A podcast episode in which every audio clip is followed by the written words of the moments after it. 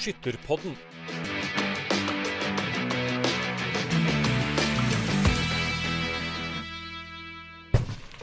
Hjertelig velkommen til en skikkelig sommerepisode av eh, Skytterpodden. Det er kort tid igjen til LS nå, og jeg regner med at alle ligger i hardtrening før eh, Voss. Der det for øvrig også er fortsatt mulig med etterpåmelding, så gjør det i dag om du nå innser at du faktisk vil være med på den store folkefesten. På Voss skal det kåres en konge eller dronning enda en gang, og det er naturlig nok et mål for veldig mange som starter med skyting, og veldig mange som reiser til Voss. I dag skal vi snakke litt om denne, kall jakten på en konge- eller dronningtittel. Et prosjekt som for mange kan ta mange år, men for de fleste aldri går i oppfyllelse, faktisk. Men hvordan kom man til nok et LS klar for å ta fatt på den tøffe veien helt til topps? Og hvordan er det å ha vært storfavoritt i ja, et tiår og drøyt det? Dagens gjester skal forsøke å gi noen svar på dette, for de vet hvordan det er å jobbe mot en konge- og- eller dronningtittel. Den første gjesten han er en av Norges mestvinnende skyttere internasjonalt. Han har gull i militær-OL, fire VM-gull, en rekke medaljer fra VM. To OL-finaler har han vært i, og han har også vært, som én av tre i historien, flaggbærer i OL. Han ble tidenes første landsmester i klasse 35, altså vinner av Ellis innendørs nå i vinter. Og så jobber han til daglig som brannkonstabel. Hjertelig velkommen, Ole Kristian Bryn. Tusen takk for det. Og god sommer. I like måte. Du kommer direkte fra innspilling av Mesternes mester, som du ble kastet inn i rett før eh, opptakene. Hvordan var det? Jo, det var jo en kul opplevelse å få være med der. Hvor lenge holdt det? Det kan jeg dessverre ikke si så mye om, men uh, jeg anbefaler folk å se på TV-en, i hvert fall når dette kommer på skjermen i januar. Men 90-graderen var gøy å være med på? Den var gøy å være med på, ja, så lenge det varte. ja, det blir eh, spennende å se hvor langt eh, Ole Kristian eh, kommer. Og det er jo også skikkelig stas, for det er første gang en skytter faktisk er med i Mesternes mester. Følte du at du hadde noen overtak? Ja, på noen øvelser så hadde jeg vel kanskje et lite overtak. På andre kanskje ikke, men det var utrolig kult å få lov til å være med. Og når jeg fikk sjansen, så tenkte jeg må bare hive meg i det. Selv om jeg bare så vidt rakk å pakke bagen. Så det var kort, kort varsel, men jeg angrer ikke på at jeg tok sjansen. Og det er som du sier, det var på tide at det ble med en skytter. Veldig god unnskyldning da, hvis det ikke går så bra. Så ja, det, kort det, det, det er akkurat det. Da kan jeg skylde på det. ja.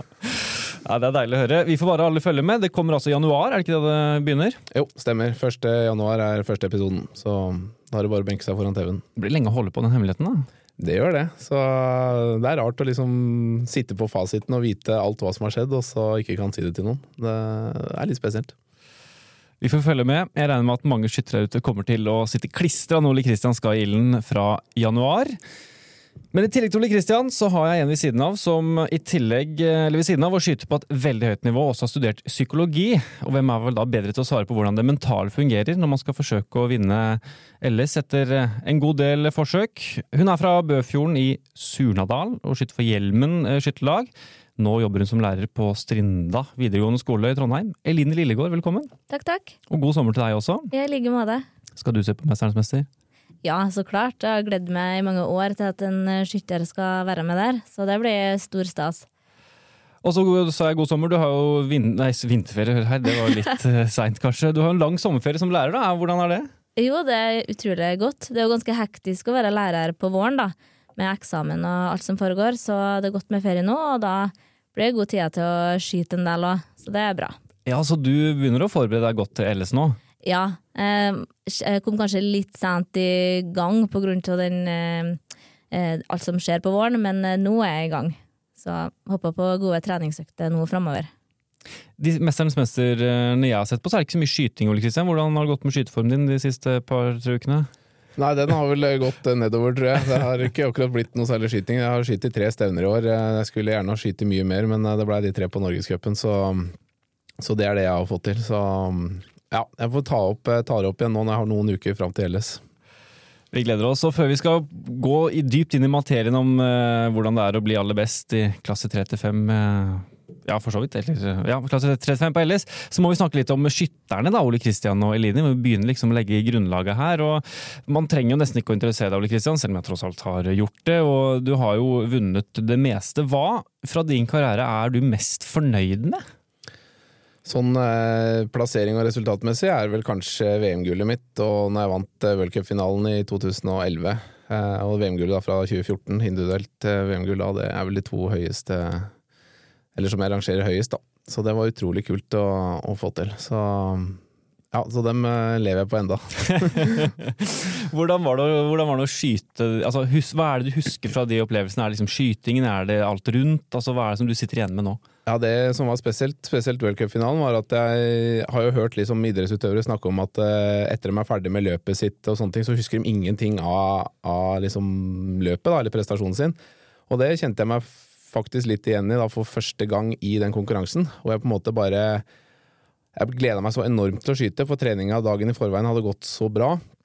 Og bare hadde liksom 100 eh, jeg hadde, ja, 100% på hva jeg skulle gjøre for noe i den konkurransen. da. Og da var det egentlig bare å lokke verden ute og bare sitte og konsentrere seg om å skyte. Og det var sånn at jeg fikk den følelsen at jeg nesten ikke trengte å se på monitoren. For jeg bare Det var tier, tier, tier, tier, tier, og, og blei ikke nervøs i hele tatt. Det var, liksom, det var bare helt normalt at det skjedde. Så det var helt spesiell opplevelse, faktisk. Helt til det sto igjen fem skudd. Da Da hadde jeg skutt i 115. Det var en hel match, og så da begynte jeg å tenke på at jøss, dette går virkelig bra. Så da datt jeg litt ut av sonen på de fem siste, men jeg klarte å ro det ganske bra i land. og fikk skive igjen med ganske stor margin, og så mm, var det bare å holde i finalen og, og klemme til. Og det, nei, det var utrolig kult, altså, den uh, opplevelsen der. Så det, det, var moro. Det kunne vært en episode seg selv, det her. Føler jeg.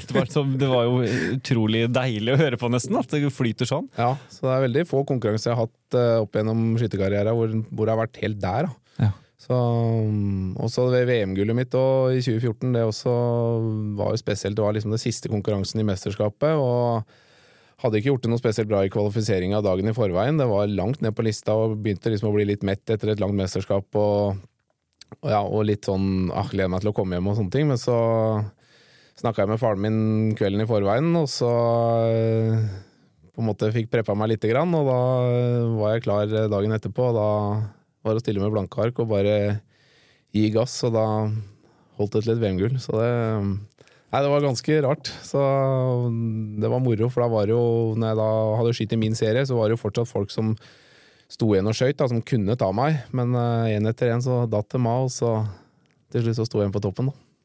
Det hørtes deilig ut. Det hørtes Eller hørtes Det var vanvittig deilig. Ja, du har jo opplevd det, tross ja. alt. Ja. ja, det var kult. Så det, det er vel de to høyeste, ja mange spennende tanker som jeg tror vi kommer litt inn på seinere her også.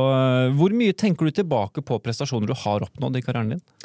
Ja, Nå som jeg har lagt opp eh, den satsinga der, så tenker jeg forholdsvis ofte på det. Det er sånn at jeg koser meg med minnene og hva skal jeg si, nyter de øyeblikka. Ikke nødvendigvis bare gode prestasjoner på skytebanen, men også det sosiale rundt med liksom når vi var på turer og treningssamlinger og tenker på den tida der, da, og all tida jeg la ned i det. Så jeg har hatt utrolig mye kult med den skytinga der. Så ja, nei, jeg tenker på det nesten hver dag. Ja, ja så deilig. Ja. Ja, det, jeg tenker at det må jo være så fint når man faktisk har vært opplevd noe så bra, at man kan tenke på det mye. At ikke det er sånn der, nei, det Jeg føler sånn Jeg kjenner ikke Ole Bjørndalen, men litt sånn nei, han tenkte aldri på en prestasjon han hadde gjort. Det var liksom videre, videre, videre. Det var selvfølgelig i karrieren, men jeg får inntrykk av at det nesten er sånn i dag også. Det er litt deilig at du faktisk kan tenke tilbake på de gode opplevelsene. Ja. ja nei, jeg gjør det ofte, og ja. prater ofte med andre skyttere, men også med samboeren min og broren min. og og så videre, da, om liksom, ja, husker du det og det, og, og sånt. da. Så nei, jeg koser meg med minnet, ja. ja. Så bra. Eh, vi må også nevne, for det har ikke jeg nevnt heller, at du vant jo faktisk Skytternes mestermøte i 2020. Det gjorde du. Eh, men da var jo ikke alle med, det var en invitert konkurranse, rammene var ganske annerledes eh, den gangen. Og det betyr jo at du i hvert fall mangler én ting fra DFS-skytingen, og det er denne kongetittelen. Tenker du mye på det? Ja, jeg gjør for så vidt det. Jeg har eh, veldig lyst til å få en sånn tittel en gang, så men altså, jeg lever jo greit. Jeg har et godt liv uten, men, eh, men det er klart jeg hadde jo toppa det og fått, fått, en sånn tittel. Hadde jeg gjort det er liksom den som mangler nå, så, så jeg er klar for å prøve å ta nivås. For selv om du da har lagt opp den internasjonale satsingen, så satser du i gåseøynene fortsatt for å kunne ta en kongetittel? Ja, det gjør jeg. Jeg har jo ikke lagt opp det festskytinga, selv om det har blitt litt mindre nå de siste åra etter jeg har fått ei lita datter og, og, covid og alt det der. Men, eh, men jeg, har ikke gitt meg, og jeg er klar for å, for å kjempe. Så, og det kan gå på en god dag òg, men uh, man er nødt til å ha marginer på sin side. Men uh, det skal jeg sørge for å få. Og så ble du skytterprins i 2012 i Voss. Vært perfekt å bli konge på Voss, da. Ja, det hadde toppa det. Det kunne ikke blitt bedre enn det. Nei. Vi gleder oss til å følge deg på Voss, Ole Kristian. Eline, utenfor skyttermiljøet så har kanskje ikke du et like kjent navn som Ole Kristian. I hvert fall ikke etter at han nå skal delta på Mesternes mester. Men eh, du er en av disse mange skytterne som drømmer om et kongelag og en dronningtittel for din del. da. Um, hva er du fra din karriere mest fornøyd med så langt? Mm, det er flere ting som jeg er ganske fornøyd med, men det jeg er mest fornøyd med, må være eh, seieren i Oslo Open i 2006. Da, da jeg skive én i finalen, Ole Kristian har vel skive to. Oi, se her, ja. Ja, ja, ikke sant? Vi Stemmer har det. Ja. eh, 2,49 innledende begge to, tror jeg.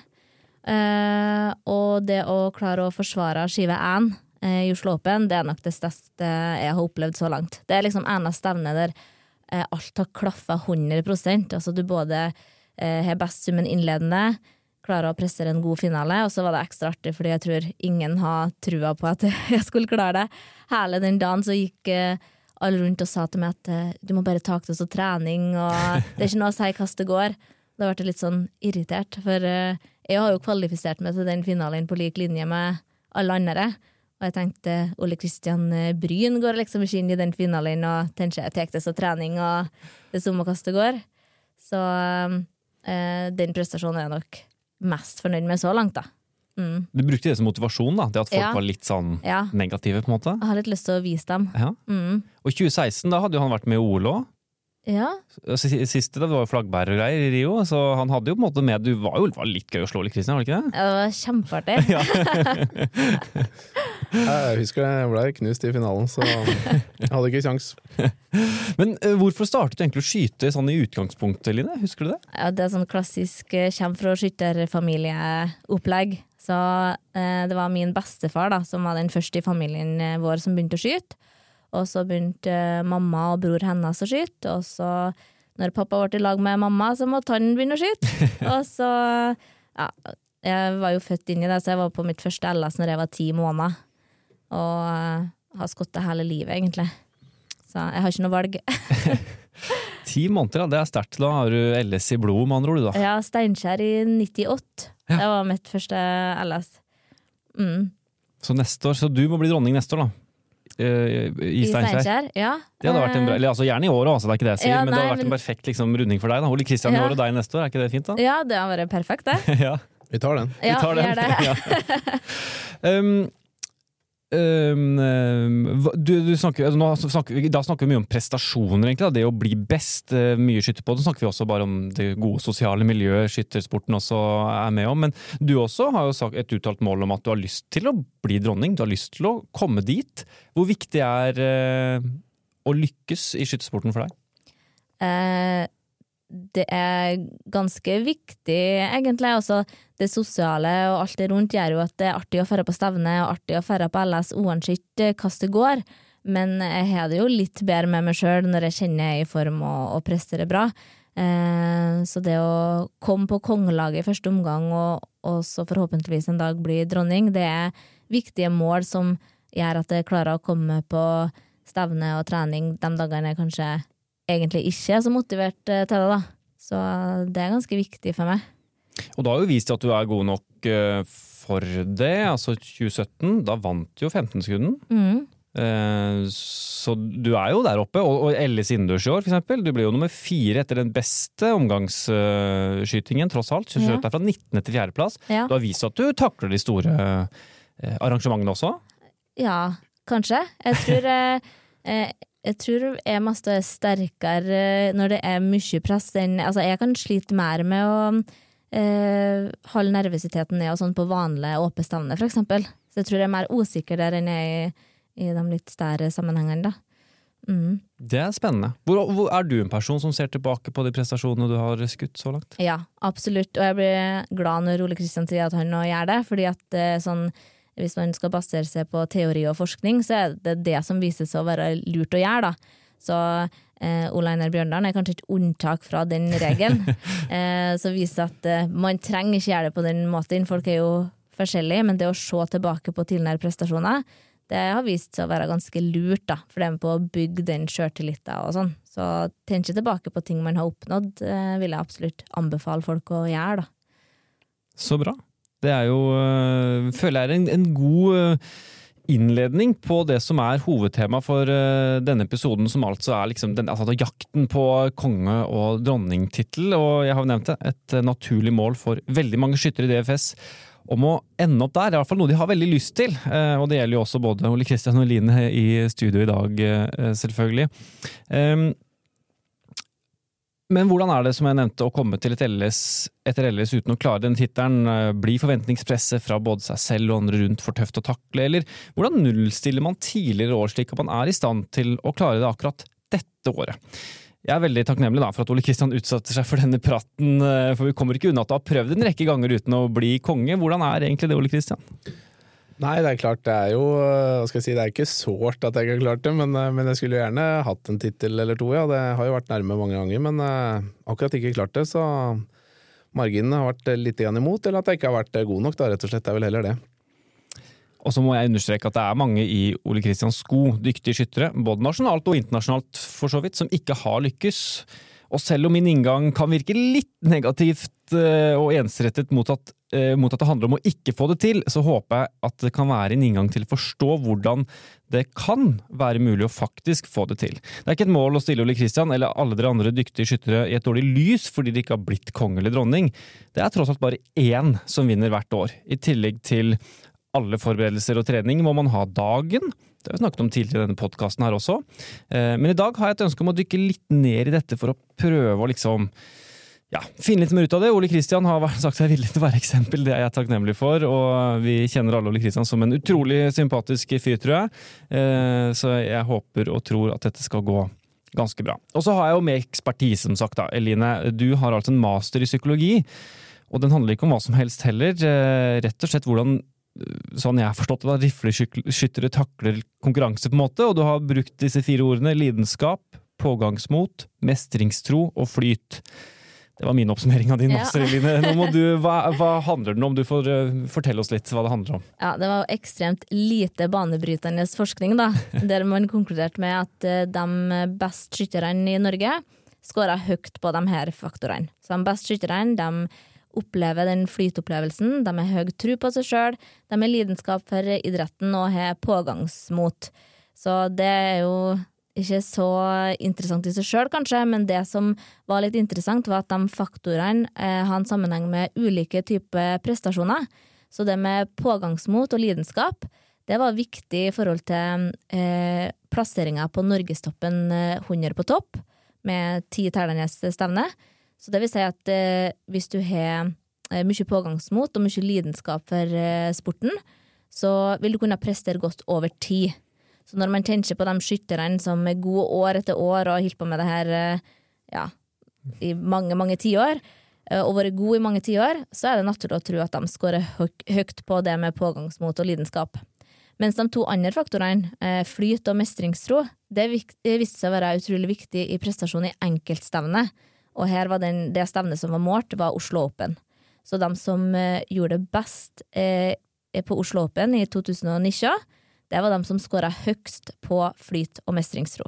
Så i forhold til for eksempel LS, da, så er det det å eh, oppleve denne flytesteren og det å ha tro på seg sjøl som er aller viktigst eh, for å lykkes, hvis man ser på det mentale, da. Og mestringstro er den, eh, en eh, psykologisk faktor som er eh, utrolig mye forska på innenfor idrettspsykologi, og er vist gang på gang å være eh, det aller viktigste for å kunne prestere under press, da. Mm. Skiller skyting seg ut fra andre idretter vet du det? Sånn rundt mestringstro? Eh, det er litt vanskelig å svare på, eh, men eh, man vet jo at det mentale generelt da, kanskje er litt ekstra viktig i skyting. Eh, hvordan man reagerer på de situasjonene man havner i, og eh, det som skjer rundt det, er utrolig viktig. Så når uh, Ole Kristian og alle dere andre der ute uh, kommer til uh, LS nå, du har sagt litt, men hva, hva er liksom viktig å ta med seg inn i et LS når man kommer dit, da, sånn, sånn du har sett det? Ja, altså, hvis man skal se på det med mestringstro og prøve å øke det, så um, kan man gjøre det gjennom f.eks. det vi har snakka om, om å se på ting man har klart å prestere tidligere. Så for et LS kan det være viktig å Eh, se på de eh, gangene du har prestert bra tidligere på et LS, eller lignende situasjoner før. Eh, og man vet òg at eh, mestringstro blir økt av å se at andre lykkes. Så å se LS-sendinger fra tidligere, og se at folk blir kåra til konge eller dronning, det vet man har en positiv effekt. Og så er det viktig hvordan man snakker til seg sjøl. At man eh, snakker positivt til seg sjøl, og ikke går inn eh, i et LS og sier ja, men jeg er mest lykkes alle veier på LS. Så det, eh, det skal man absolutt ikke gjøre. Så det er litt sånn småting man kan eh, jobbe med, da. Er dette noe du jobber med, Ole Kristian? Ja, for så vidt så er det egentlig det, og det har jeg blitt egentlig veldig mye mer bevisst på eh, hva skal jeg si, etter jeg la opp eh, som sportsskytter. da. Det å på en måte ta med seg det positive etter man er ferdig, og sånne smådetaljer i treninga som jeg liksom har tenkt på ja, i bilen på vei hjem, eller eh, hvor det måtte være hen, egentlig. Da. Så det angrer jeg på at jeg liksom ikke hva skal jeg si, fant ut litt før. Men eh, jeg er helt sikker på at eh, Eline er inne på noe der, så, så støtter den 100% Hvordan har du jobbet konkret inn mot La oss ta LS og kongetittelkamp her nå, da. tenker jeg både teknisk og mentalt. Ja, det blir jo litt sånn, når jeg satsa, så var jo alltid et mesterskap var jo rett før LS, så jeg har liksom aldri fått den derre 100 eh, forberedelsen til LS, men, eh, men det blei egentlig å prøve å ta med seg litt fra det mesterskapet, da, om det var EM, VM eller OL, og så prøve å leve litt på den flyten og den positiviteten som jeg da kunne få der nede, da, og, og det å ha trua på seg sjøl og, og, gå inn og, og ja, skal jeg si, leve litt i den flytsonen, da. For det er det jeg merka når jeg skyter i stevner, at hvis jeg gjør det bra på si første stevne, da, så er det mye lettere å gjøre det bra på andre stevne også, for da lever du litt i den flyten og den modusen som da kommer. Så, så prøv å dra med seg litt av det. Og jeg har jo for så vidt alltid hatt trua på meg sjøl, så, så, så, ja, jeg må bare prøve å dra det, dra det, inn i et LS. Men det er klart det er vanskelig, for på et eller annet tidspunkt der så så detter du litt ut av den kurven, og, og du detter ut av flytsonen, og da, da, er det fort å bli tatt av eh, situasjonen. Så, men det er det å prøve å unngå det, da. Det er ikke så lett. Nei, for Du har jo kommet fra store scener, vil jeg si. da. Et OL, eksempel. Altså, du har jo VM naturlig nok også, som er, er, stort. OL er jo noe mange følger med på i Norge, f.eks. Til et LS, som også mange følger med på. Men man kan jo tenke at det er litt samme situasjon. Skulle tro at du hadde en veldig stor fordel, egentlig. Eh, ja, for så vidt så er det jo litt av samme situasjon. Det å stå i en OL-finale det er ganske tøft, det òg. Men man kan sammenligne det med et LS, for det er eh, Jeg merker det godt der òg, så, så, det å dra med seg det videre Men allikevel så er det en litt annen type form for skyting. Men sånn, det mentale er jo det samme. Så man må bare prøve å ta med seg det videre og, og inn i et LS, da. Men er, er, dette med at det er litt ulik type skyting en utfordring? For du er mentalt forberedt på, kan du si, sportsskytingen, og så skal du plutselig over til uh, saurskyting? på en måte? Altså, Er det en overgang som kan være vanskelig? Ja, litt for, eh, for altså Vi har jo mye bedre tid og sånn på den matchskytinga, og man lader jo enkeltskudd og et helt annet våpen og, og et annet kaliber og sånne ting, men, men, det som tok meg mest, var at jeg når jeg skøyt på 50 meter, så holdt jeg ganske mye roligere. Altså På stående der kunne jeg i perioder holde helt rolig. Mens med saueren så er, vil det være en litt større bevegelse, og det å på en måte klare å time et godt avtrekk når du ikke holder helt rolig, så, så syns jeg det ble den største utfordringa, egentlig. Og det med et grunnlag og sånne ting, i hvert fall hvis man hadde en god 15-skudd, så, så har man ikke noe tid til å hente seg inn. Det har man mer i den sportsskytinga. Så det syns jeg nok var den største utfordringa, at jeg ikke hadde noe plan B på hvordan jeg skulle ta avtrekken, og ikke holdt helt dønn rolig. da. Nå slipper du jo den overgangen, da, på en måte. Gjør det det lettere? Nei, det veit jeg nok ikke, for nå trener jeg jo mye mindre enn jeg, enn jeg gjorde før. Men, eh, men, eh, det gjør det nok ikke noe lettere, nei. Er, eh, altså man må opp på 3.48-3.49 hvis man skal ha noe sjanse om en kongepokal, så og det, det, gjør seg ikke sjøl, uansett hvilke stevner man står på. Og det er desidert vanskeligst å klare det på et landsskytterstevne. Ja, spennende. Han sier altså En ting er jo treningen. Uh, hvor mye har treningen å si kontra det mentale?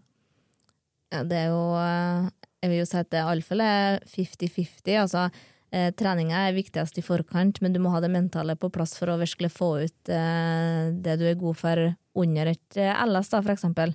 Så underveis eh, i den 25-skutten, så er nok det mentale iallfall like viktig, om ikke viktigere. For det er jo mange som er gode nok til å bli konge når vi har kommet så langt som til 1. august. Det er mange som da har skottet 3,48 til 3,50, men det er utrolig få som klarer det da. og da er det kanskje det mentale som utgjør den forskjellen. Da. Og da tenker jeg at eh, det viktigste underveis da i 25-skudden, det er den indre dialogen, og så eh, det å kunne eh, forholde seg litt i ro og pust og roe ned puls og sånne ting. Eh, og det å klare å holde nervøsiteten på et eh, eh, akseptabelt nivå, da. Å være litt nervøs, det er bare bra. Jeg tror folk er for redd for å bli nervøs, egentlig. Eh, men litt nervøsitet er jo bare positivt. Så de som klarer de tre tingene, da, kanskje. Indre dialog, pust, Hold nervøsiteten litt under kontroll, kanskje. Men man kommer jo til et man må jo forberede seg på disse tingene også. Mm. Så det er vel også en del av treningen bør være, da? Ja, ideelt sett så har jo alle sammen nå skulle bodd i Voss i to måneder og trena på arenaen der med eh, spiker eh, til stede og hele pakka. Eh, men det har man jo ikke mulighet eh, til, da. Så det er kanskje det å prøve å få inn så mange element fra LS i den vanlige treninga som du gjør, kan være positivt. Det er gjort mange studier på f.eks. studenter som eh, eh, skal ta eksamen, der halvparten av gruppa har lest det på lesesal, og andre halvparten har eh, lest i det rommet de skulle ha eksamen på. Og da har man sett at de som las i eksamenslokalet, faktisk eh, presterte bedre på eksamen enn de som las i lesesal. Så det å ta med sånne element, slik at eh, em, det ikke blir så frammont, da, eh, og ingenting kommer så overraskende på, det kan være lurt. Så for eksempel å høre på den musikken som blir spilla på arenaen når man trener, eh, ha LS-sendingene på bakgrunnen, slik at du hører eh, Ola Lunde og Andreas Stabburn Smith. Altså få inn noen av de elementene, og kanskje se for deg at nå skal jeg eh, skyte et LS sånn eh, mentalt. Eh, kan være lurt. Så er man litt bedre forberedt på det. Så, så det kan være lurt. Trekke inn så mange element som mulig. Ja, for én ting er jo at eh, de da som bor på Voss vil ha en stor fordel, fordi Ja, ja, ja. de skyter på Voss, selvfølgelig. Eh, Men eh, et LS er jo mer enn bare å skyte på selve banen, som sier. Det er så mange ting rundt, da. Mm. Og det er vel det som gjør den store forskjellen også på et LS, er det ikke det? Mm, det er det. Så prøv å gjøre den situasjonen så lite framover som mulig. Og da vil jo folk som har skottet på den arenaen fær ha en fordel. Og folk som har gjort det bra på den arenaen fær, for eksempel. Så mm. Det blir VR mot Bryn i år også. Ja, det blir det. Men, men um, øhm, det vet jeg at du også konkret har gjort noe øh, fram mot LS og forberedt deg med kommandoer og sånne ting. Ja, Hvis du vil dele det her, da, så ikke det er en hemmelighet. ja, vi fikk jo under eh, koronatida, så har vi jo sånn eh, Hele Norge tørrtrener, hva er det det heter? Der vi fikk, fikk et eh, Eller alle tørrtrener mens vi har et lydklipp fra kommandoen på LS. Eh, og det å Jeg vet ikke om det klippet er tilgjengelig men det har jeg kommet til å trodd at det er. Det er ikke så lenge siden jeg bruker det, i hvert fall. Det å ha på det eh, klippet når du trener, og så fæl kommandoene der, og se for deg at du er på LS, for eksempel, det kan være fint å eh, gjøre. Så havner man litt i den stemninga. Kanskje man klarer å framprovosere litt nervøsitet da. Man kan jo det hvis man eh, tenker seg til at man er på LS, og at alle står og følger med det, og at kameraet er på det, og, og så videre, da. Mm. Vil et eh, norgescupstevne for eksempel, eller andre stevner kunne gi nok nervøsitetstrening for et LS? Eh, ja, både òg. Altså, det, er, eh, det er kult å gjøre det godt i Norgescupen, og man merker jo hvis man har skutt et godt, god 15-skudd eller godt grunnlag eh, før omgangen f.eks., så merker man jo at det er, det er jo litt ekstra trøkk der i forhold til et åpenstevne, men, eh, men for min del så syns jeg LS er mer, eh, ganske mye mer nervepirrende enn et norgescupstevne. Det syns jeg i hvert fall. Men, eh, men ja, det er jo Norgescup er jo kanskje det nærmeste du kommer, da. Jeg tror det er målet òg, at det skal være litt mer nervepirrende på LS. Det, er jo det er jo aldri skutt 350 poeng på LS. Det er jo ikke sant, det er den store snakkisen, og det er som Terje Vestvik sa senest i forrige episode, at det, de vil jo ikke at det skal skje. Fordi hva skal man da på en måte klare? Men det sier jo litt om den prøvelsen man møter, å skulle skyte 350. Ja, uten tvil. Det er, eh, det er ekstremt vanskelig, og det er jo ikke mange på 349 heller, så det, så det er eh, Nei, det, det blir spennende å se når det kommer. Hvis det kommer. Det er jo ikke sikkert det gjør det engang heller, så, så vi får se. Men eh, nei, det er krevende.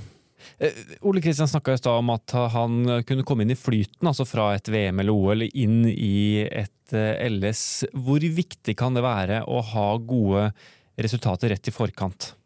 Eh, Det er jo kjempeviktig. Eh, Det indikerer jo at man er i god form, da. Eh, Og det er interessant det han sa om at han kanskje lettere havner i flyt hvis han kom rett fra et mesterskap. Det flyt egentlig er, er at det er et perfekt samspill mellom ferdighetsnivået ditt og vanskelighetsgrad i oppgaver. Så det vil si at grunnen til at mange ikke får flyt på LS, det er fordi at LS er litt for vanskelig i forhold til hvor god skytter du er. Og det er fordi at det er så annerledes fra alle andre stevner. LS er vanskeligere enn alle andre stevner. Vi har forberedt oss eh, egentlig med utgangspunkt i vanlige stevner. Eh, men når du da kommer fra et mesterskap, som kanskje er enda vanskeligere enn LS igjen, så er det lettere at det er et samspill mellom eh, hvor god du er som skytter, og hvor vanskelig stevnet er. Og der kommer det inn det med å trekke inn element fra LS i den treninga di, for da trener du litt mer spesifikt mot LS, så kanskje blir LS er akkurat så vanskelig som det trenger å være i forhold til ferdighetsnivået ditt, og ikke for vanskelig. For det, når det blir for vanskelig, da får man ikke den flytopplevelsen. Og flyt er akkurat sånn som eh, Ole Kristian beskrev det i var det verdenscupfinalen, der du følte du mest ikke måtte tenke. Det bare gikk av seg sjøl. Det er sånn eh, en flytopplevelse kjennes, da. Mm.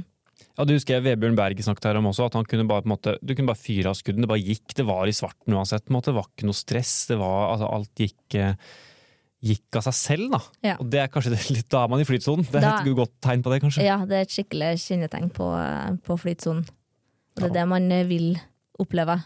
Ja, jeg skyter som regel best når jeg ikke tenker. Altså Ja. Når ting er så automatisert at det bare går av seg sjøl uten å tenke at du skal dra i avtrekkeren. Uh, ja, da, det er en god opplevelse. Så, men det er det å liksom ikke bli bevisst på at det skjer heller, for da detter du jo ut av det. Så det er en sånn veldig vanskelig balansegang, det der greiene der. For jeg har kommet inn i flytsonen i korte perioder. Og så slår tanken meg at shit, nå er jeg i flytperioden, og da bare poeng, så er jeg ute av det med en gang. Ja, for da er det den tanken som gjør at det blir akkurat for vanskelig igjen, da. ja. Og så detter du ut av den opplevelsen. Mm. Ja. Så det, ja, så er det jo bare rett og slett ikke tenke. Altså, det høres jo utrolig lett ut å bare si det, men, eh, men for min del så er det egentlig det. Å bare stole på det du har trent, og bare gjøre det man har trent på, og uten å tenke. Så, så blir resultatet som regel bedre enn det man kanskje tror. Ja, for det er jo det det handler om. Altså, det er jo mange som er mer enn gode nok til å ta denne kongetittelen, eller dronningtittelen også. Det er jo, de skytes jo 350 over en lav sko øh, i- i andre stevner, på en måte. Men så kommer man til LS, er det for vanskelig, det snakker vi masse om. Og det er fordi man, det blir for vanskelig, som du sier da. Altså, det er jo det er jo det, det handler om. Mm. Kjenner du igjen den der, det hun beskriver om at det må være vanskelighetsgradnivået? At det må treffe hvor god man er? Ja, jeg gjør egentlig det. Det er, det er jo som Eline sier, at, eh, at hvis på en måte det blir for vanskelig, så, så blir tanken på en måte for stor. Altså Man klarer ikke, og det, det blir for stort for en, og så bare kollapser alt sammen. Altså Skytterteknikk og skytterstilling og alt bare forsvinner liksom bare ned i det svarte hølet.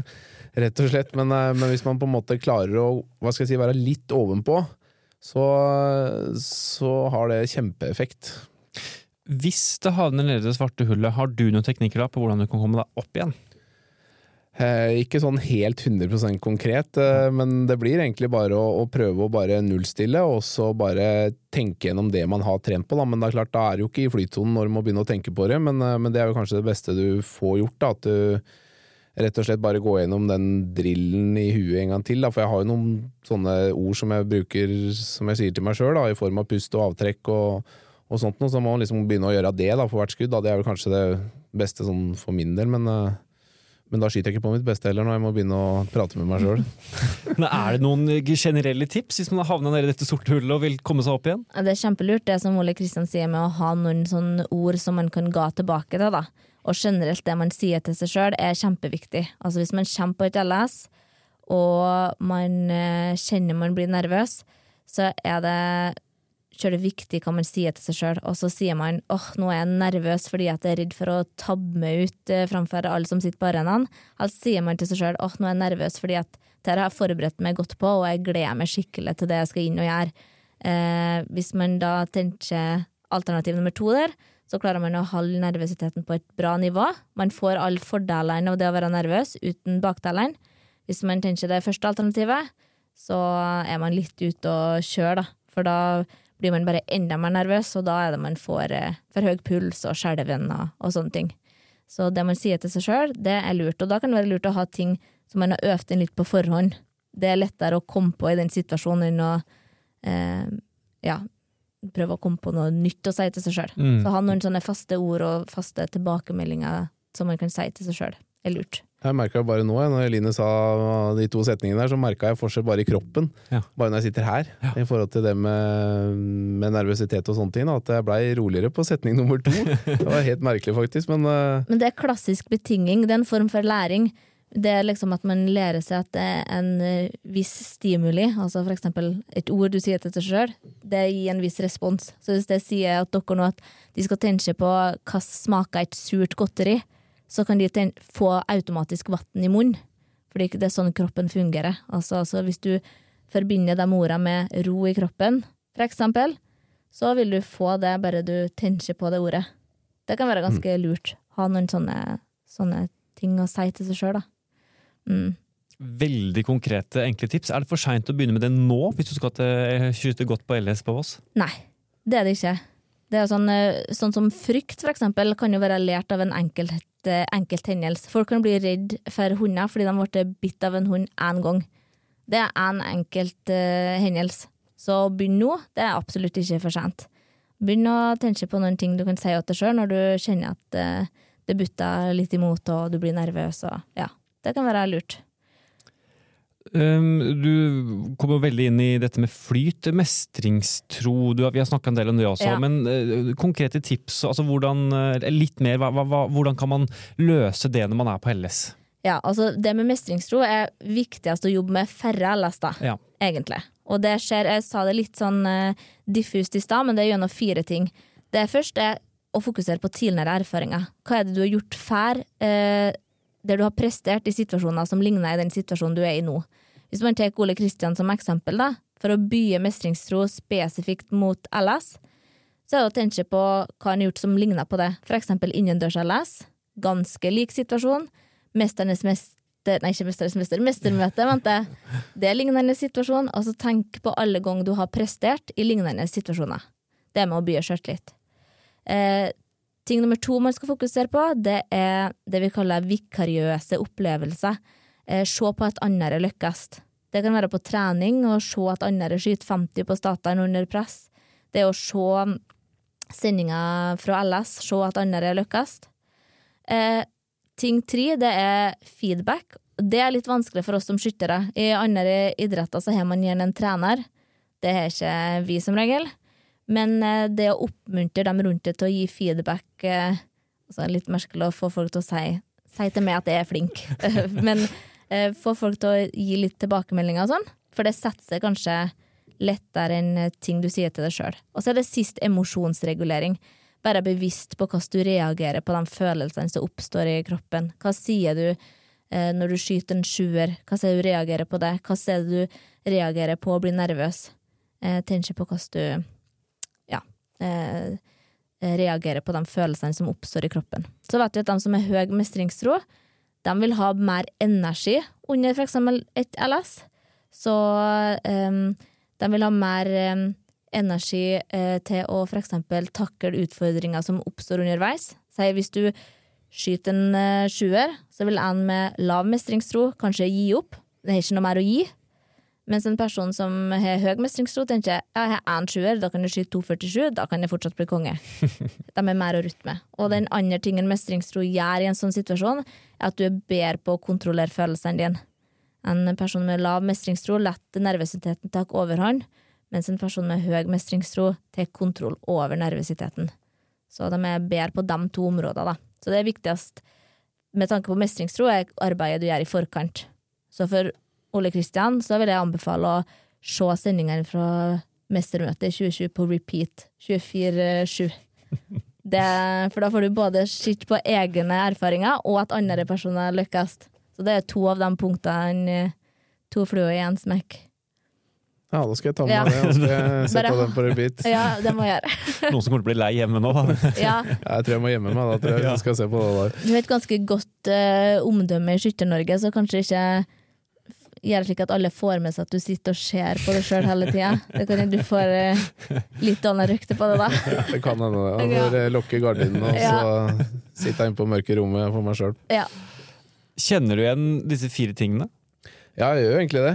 Eh, Jeg syns det er spennende å høre på, men, og det er greit å liksom få det hva skal jeg si, Ikke skrive ned på et papir, men, men jeg kjenner meg igjen i det, ja. Jeg gjør det, altså.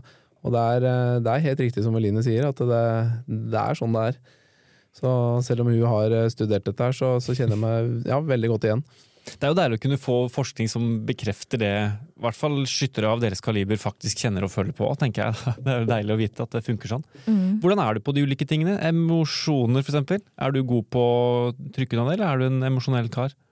Eh, ja, si det. Det er litt sånn både og. Altså, jeg er nok, når jeg skal inn i en konkurranse, så er jeg nok ganske hard, tror jeg. Eh, Da lar ikke så lett følelser påvirke meg, men, eh, men eh, sånn utenom så er jeg en ganske Jeg er en rørt person. Altså, hvis det er ting som er rørende, så kan jeg fort få en uh, dråpe i øyekroken. Ja, det kan jeg, men, eh, men liksom når jeg skal inn og prestere sjøl, så tror jeg nok at jeg er ganske flink på å lokke ting ute.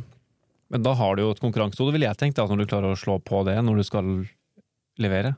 Ja, jeg tror det. Feedback. Du har jo da skutt internasjonalt, altså i et, med, med trener, faktisk. Eh, til større grad enn en vanlig DFS-skytter, på en måte som blir fulgt opp så tett. Har du hatt eh, følelsen av at god feedback har fungert? Ja, helt klart. Det er klart Når jeg får gode tilbakemeldinger på, på ting jeg har gjort bra, og, og sånne ting, så, så drar jeg med meg det videre inn i en konkurranse som noe positivt. Altså det, det holder bare med å si at jeg, nå syns jeg skytterstillinga di på knestående ser enormt bra ut. Bare det skaper jo på en måte en positivitet som gjør at liksom Ja, nå fikk jeg trua på å skyte godt på knestående, for eksempel. Da. Så det er liksom ikke mer som skal til da, enn bare sånne ting. Så bra. Og dette er tenker jeg, fire utrolig veldig konkrete, flotte tips for alle å ta med seg, uansett hvilket nivå du skyter på. Nå snakker vi om jakten på konge- og dronningtittel, men det er jo mange skyter jo om en V55-tittel og en V73, ja der vinner jo Odd uansett, men altså eh, i alle klasser. Det er jo ting man kan ta med seg uansett hvor god skyter man er dette her. Ja, også det med mestring og sånne ting er jo eh, ting som alle ønsker å oppleve. Eh, hvis man har fulgt med på eksempel Kompani Lauritzen, så er jo det med mestring og mestringstro en Dag Otto hele tida driver og maser litt om. Og det er fordi at det er ting som gir oss en utrolig god følelse og eh, gir oss eh, eh, bedre livsglede, og det er ting som er viktig for oss, da. Så om du er eh, junior, rekrutt, eh, klasse tre, sånne følelser, det ønsker alle å føle på. Og det kan alle oppnå. Du må ikke bli konge for å oppnå den følelsen. Kanskje er faktisk eh, eh, dem som eh, skyter i klasse tre og fire, bedre til å eh, ta fram det bra som har skjedd. Det jeg hører ofte på LS at eh, en tredjeklasseskytter kommer og etter å ha skått et ganske dårlig resultat, kan komme og si ja, men den kneserien min den var skikkelig bra, den er jeg så fornøyd med. Det sier sjelden femklasseskytterne, for det er sånn kommer du ikke på kongelaget, så er mest av alle mest fornøyd. Og det er jo, hvor mange femklasseskyttere er vi på LS? Det er ganske mange. Ja, det er ganske mange. det er flere ja. hundre, i alle fall. Ja, Og så er det kun femte som sitter igjen og blir fornøyd. Jeg tror den prosentandelen er høyere i klasse 3. De er flinkere til å finne ting de er fornøyd med, kanskje. Ja, Så det er han eh, er bedre. 400 påmeldt Ja. i klasse 5 i år, eksempel. Og Ja. femte og personer som er kjempefornøyd. Mm. Så jeg tror kanskje de andre klassene er, bedre på å se på det positive enn oss. Kanskje. Ja, det kan godt hende. Eh, Du har jo to ord til her, og det er jo lidenskap og pågangsmot, som vi ikke har kommet så dypt inn i. Og det er jo kanskje i enda større grad noe som ikke er veldig konkret på et LS, men mer over tid. Kan du fordype litt hva, hva det handler om? Og så vil jeg jo si at det er konkret for å lykkes på LS, for de fleste vil jo ikke lykkes den første gangen. Det Så må poeng. ha pågangsmot og lidenskap for å en gang kanskje lykkes.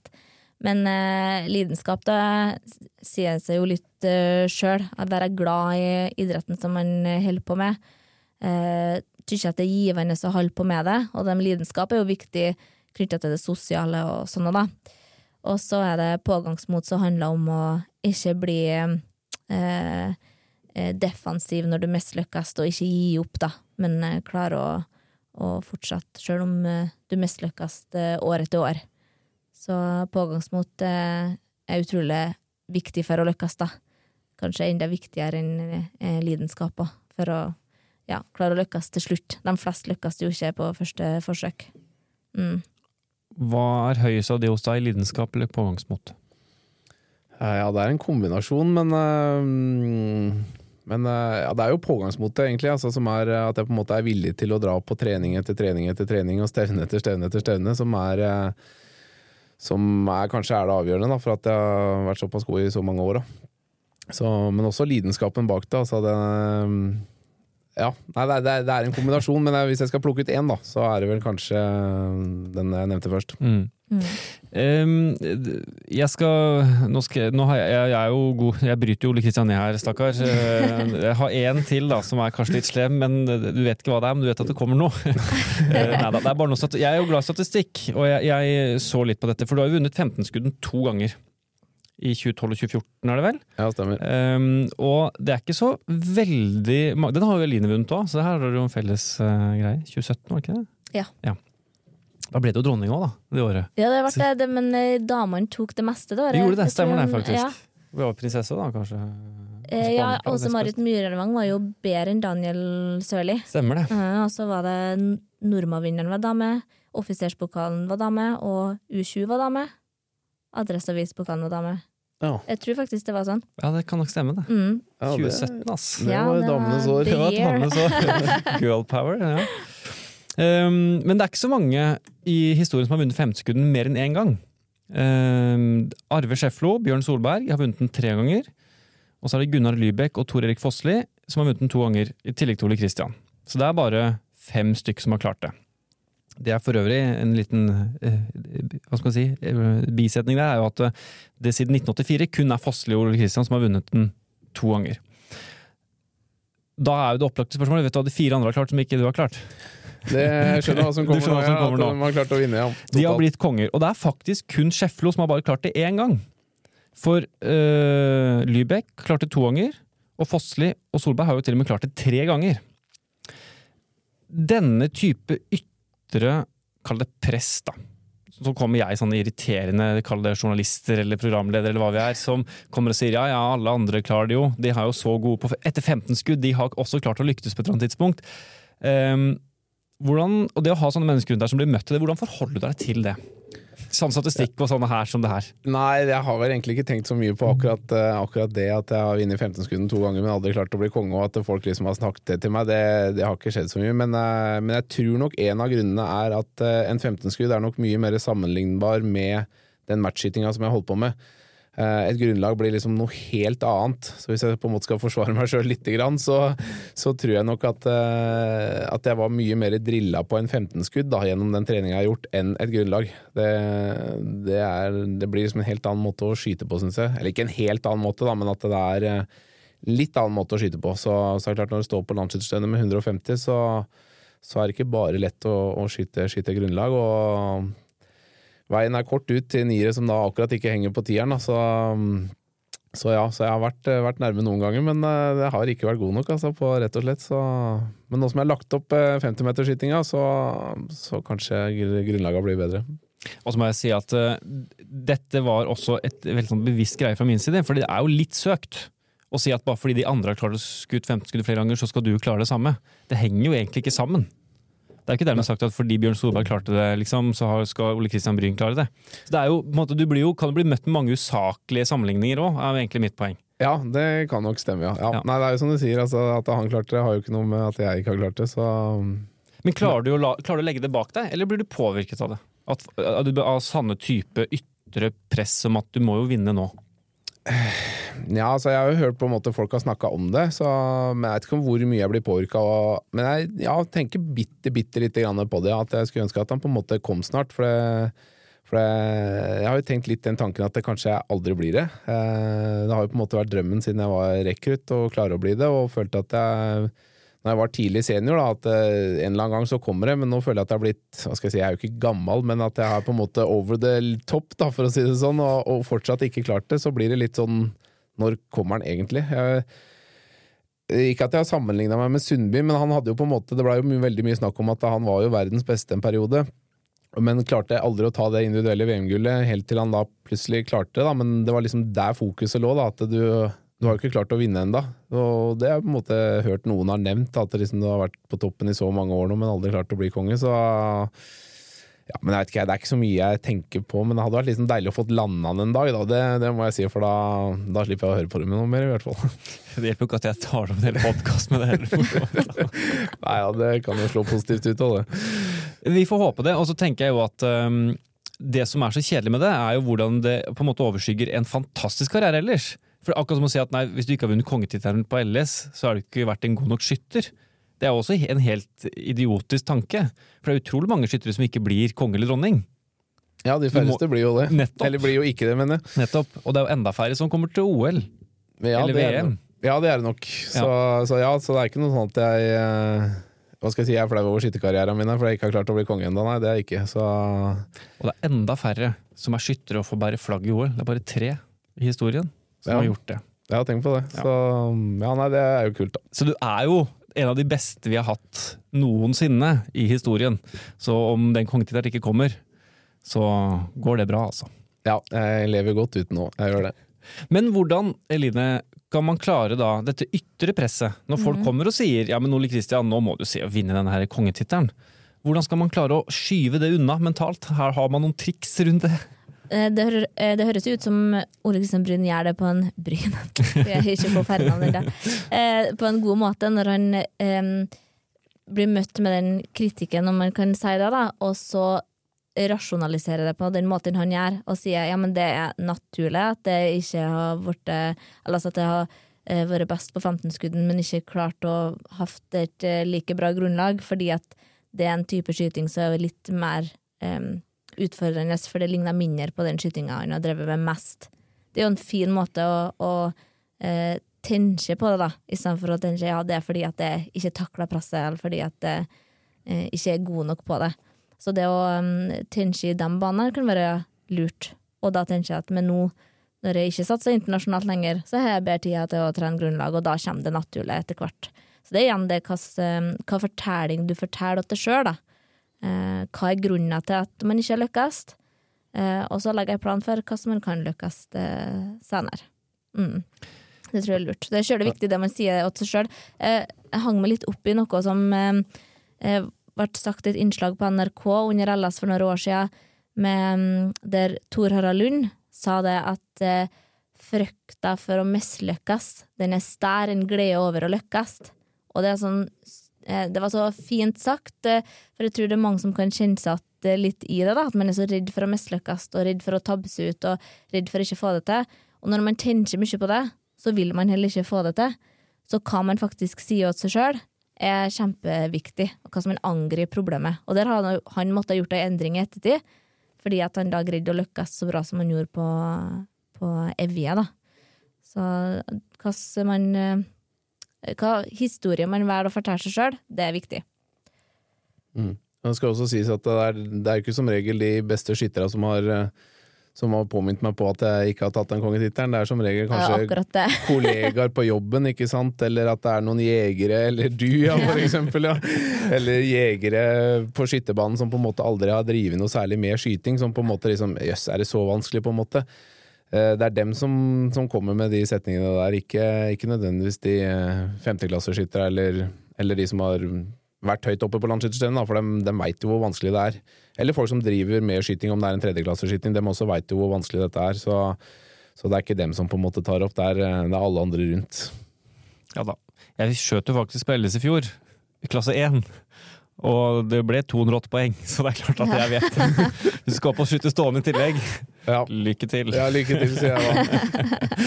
så jeg har stor respekt for det jeg driver med. Og jeg, som jeg vil si enda en gang, da, for altså det er, jo, det er, jo, veldig mange i en sånn, samme situasjon som deg, som har vært god over mange år, og som ikke har lyktes å vinne dette, denne kongetittelen. Så det er jo ikke sånn at du er alene der ute heller, på en måte. Nei, Det er eh, sant. Det er veldig viktig, veldig viktig å understreke. Eh, du er jo en tidligere landslagsskytter. Lærte dere noe mentaltrening eh, der? Ja, vi hadde jo litt oppe med Olympiatoppen, så hadde vi mentale trenere som vi var innom. Det var ikke noe sånn at det var noe sinnssykt mye, men, men litt av og til, ja. Det var det. Men ja, jeg prøvde egentlig å finne litt mine egne veier. Den, det var bra, men jeg følte det var litt mer generelt for uh, all type idrett. Og det er sikkert uh, bra, men jeg følte at jeg ville spisse dem litt mer mot skytinga og mine egne opplevelser, så jeg prøvde egentlig å dra med meg litt mer ut fra det jeg hadde gjort i konkurranser og, og litt sånt sjøl. Jeg, ja, jeg veit så inderlig godt inni meg sjøl hvordan det skal løses. Så, men jeg tok imot innspill og, og, sånne ting, men jeg var ikke den som satt mest på på kontoret med, med, mentale trenere der oppe. Det var jeg nok ikke. Er det lurt å finne sin egen vei? Ja, det er jo store individuelle forskjeller. Eh, så det er viktig å, å kjenne seg sjøl. Eh, så tak sin egen vei, det kan være lurt. Og så er jo noen ting som er litt generelt for alle, da. Det å eksempel prøve å by opp mestringsro, det er lurt. Jeg tror det er ingen som gjør det bra hvis en går rundt og tykker man er elendig til det man holder på med. Litt sjøltillit, det må man nok ha. Vi skal i ferd med å runde av her nå, Eline, men vi må jo også spørre deg. Hvordan, du må jo ha en kjempefordel, du har jo studert dette, og du kan jo dette. Hvordan bruker du alt dette her i egen trening og egne konkurranser?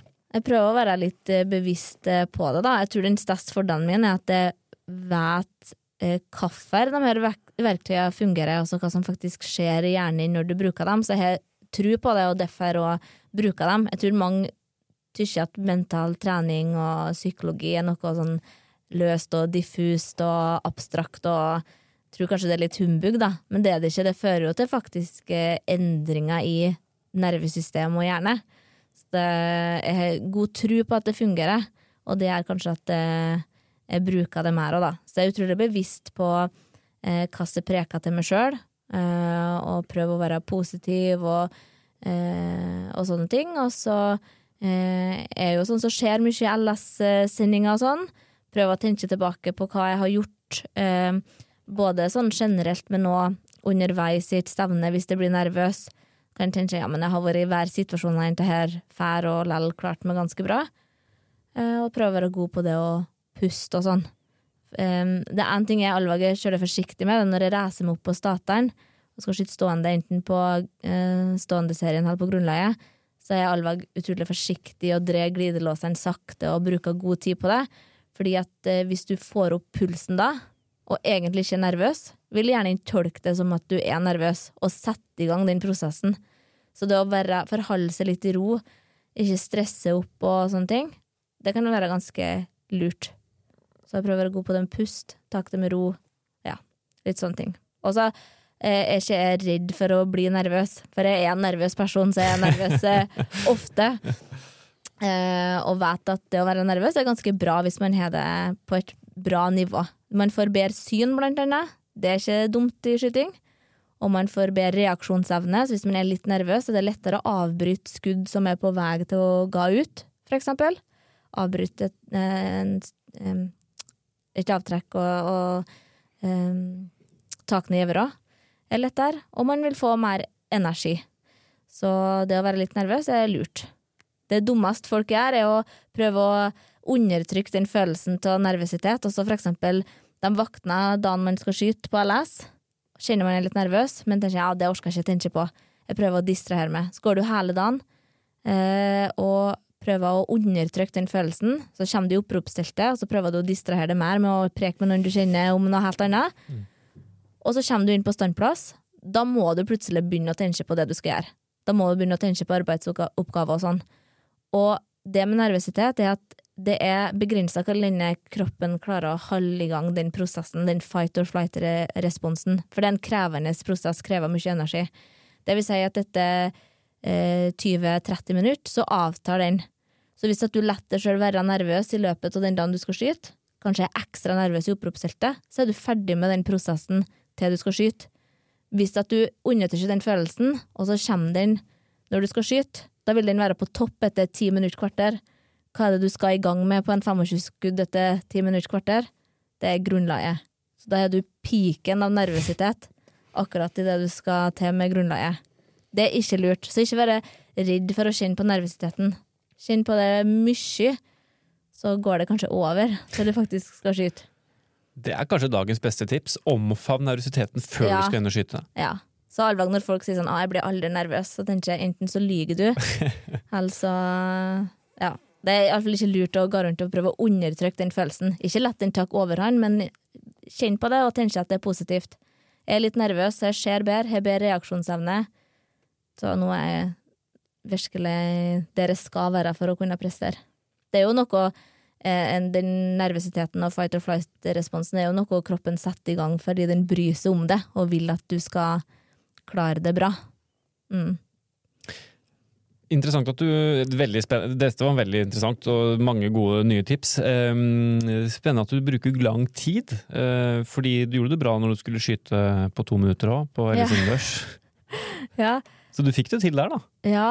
Men du klarte likevel å beholde roen da, i det som gikk raskt?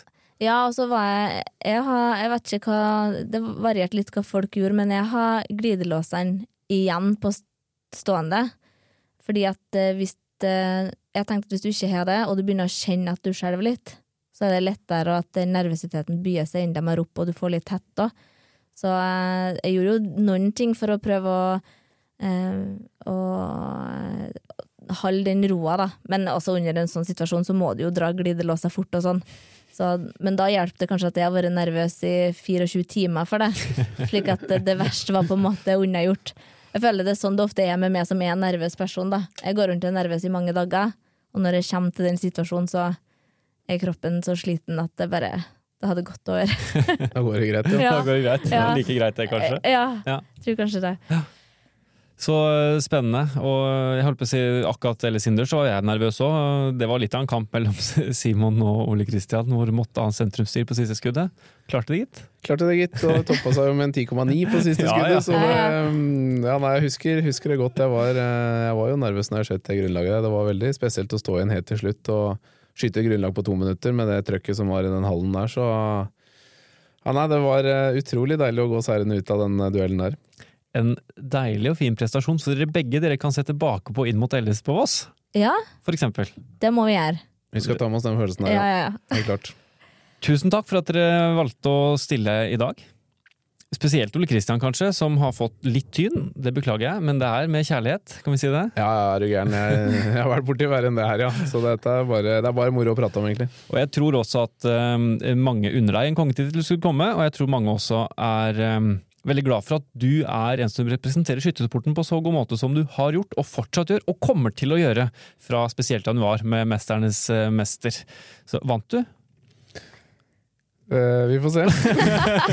Det var nesten. Fikk vi nesten. Nesten fikk tatt, eh, tatt det ut av meg. Nei, ja. det er, eh, jeg kan ikke si så mye. Jeg skulle gjerne fortalt litt, men det får bare bli hemmelig til, til januar måned, ja. Den er grei. Og tusen takk, Line, for at du deler av din kunnskap og erfaring. ja, takk for at du fikk komme. Jeg håper at mange får eh, lære av dette, og det er jo et par uker igjen til eh, vi samles på Voss for eh, LS, og da har dere noen erfaringer dere kan ta dere med dit. Jeg tror vi tre her gleder oss veldig til LS. Det håper jeg dere der gjør også. Der kan du møte både Ole Kristian og Eline, og meg for så vidt også. Så vi ses der. God skytesommer så lenge.